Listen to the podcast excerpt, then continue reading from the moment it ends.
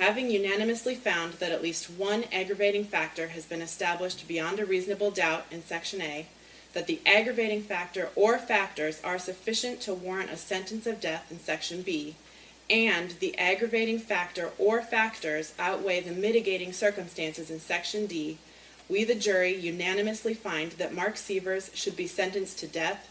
Yes.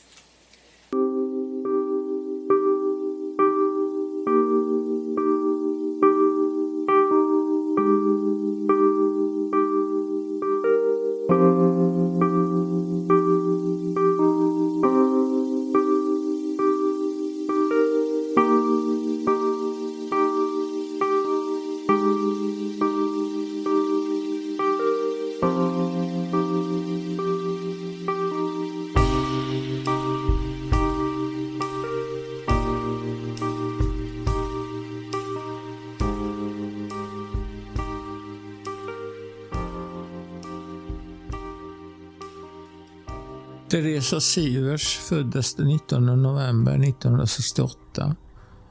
Hennes föräldrar separerade när hon var en månad gammal och hon växte upp med sin mamma. Från sjätte klass hade hon ett intresse för medicin och ville bli läkare.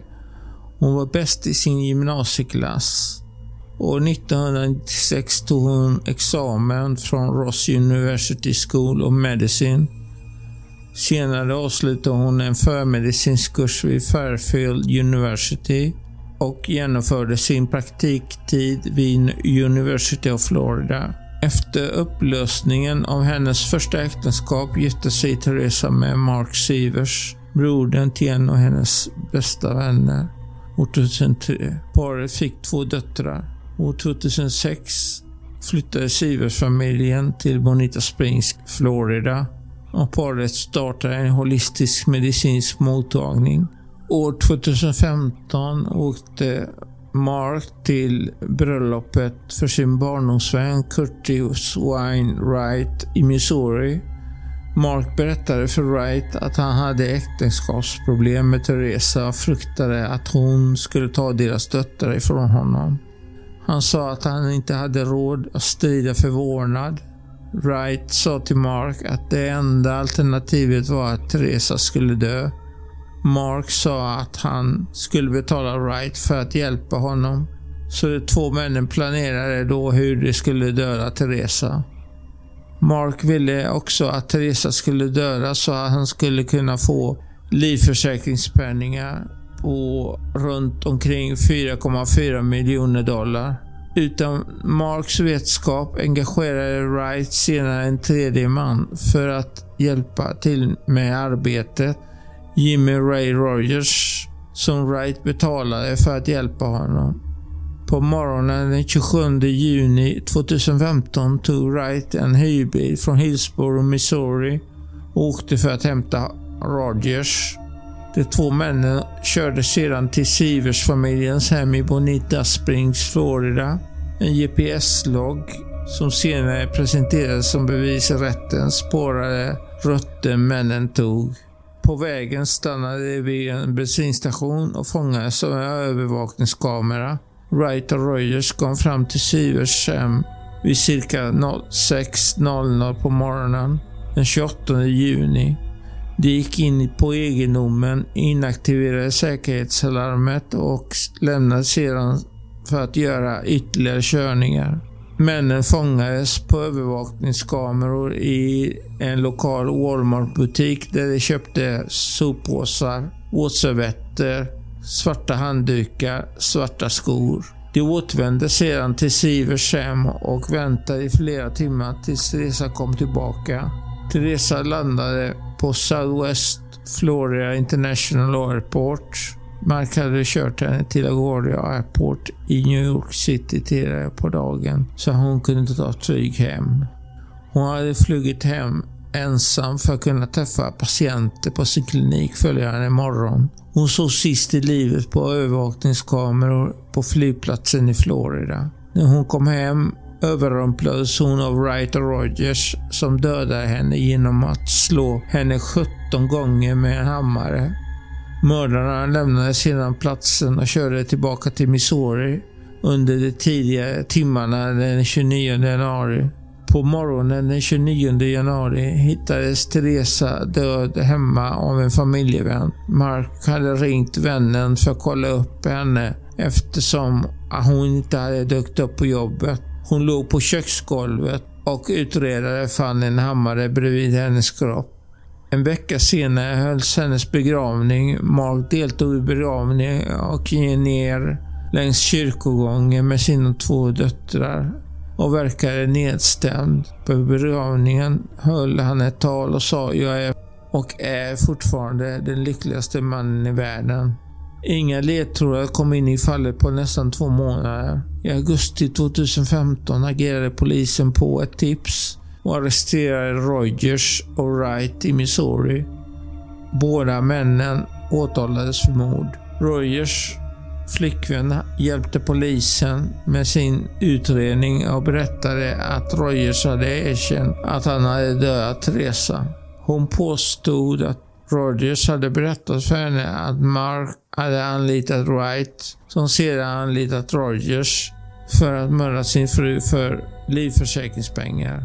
I december 2015 åtalades Mark för mord efter att en koppling hade hittats mellan honom och Wright. Misstanken hade riktats mot Mark redan från början.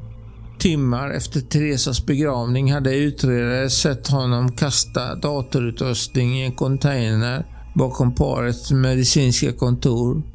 Medan Mark initialt hade varit samarbetsvillig och lämnat över sin mobiltelefon till utredare vägrade han senare att samarbeta. Den 11 maj 2016 fick Teresas mamma vårdnaden av Siversparets barn när fallet förbereddes sig för rättegång. Wright ingick en 25-årig uppgörelse i utbyte mot vittnesmål mot Mark och Rogers och 2016 erkände Wright sig skyldig till mord i andra grad och dömdes till 25 års fängelse. Rogers ställdes inledningsvis inför en anklagelse för mord i första grad och möjlighet till dödsstraff. Han befanns dock skyldig till den mindre anklagelsen om mord i andra grad samt olaga intrång. Den 23 oktober 2019 fann en jury i Lee County honom skyldig och den 12 december dömdes han till livstids fängelse. Mark Sivers befanns skyldig till mord i första grad. Den 4 december 2019 blev han dömd för mord i första grad och juryn rekommenderade enhälligt att han skulle få dödsstraff. Den 3 januari 2020 dömde domare Bruce Kyle honom till döden.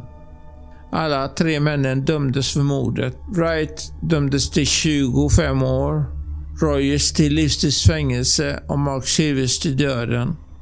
Teresas man Mark Severs anklagades för att ha organiserat mordet med motivet att få livförsäkringspengar samt att Teresa ville ta deras döttrar ifrån honom och att han inte hade råd om att strida om förvårdnad. Han förblev på dödscellen vid Union Correctional Institution. Den 17 november 2022 bekräftades hans dom av Floridas högsta domstol och hans anklagande av dödsstraffet avslogs.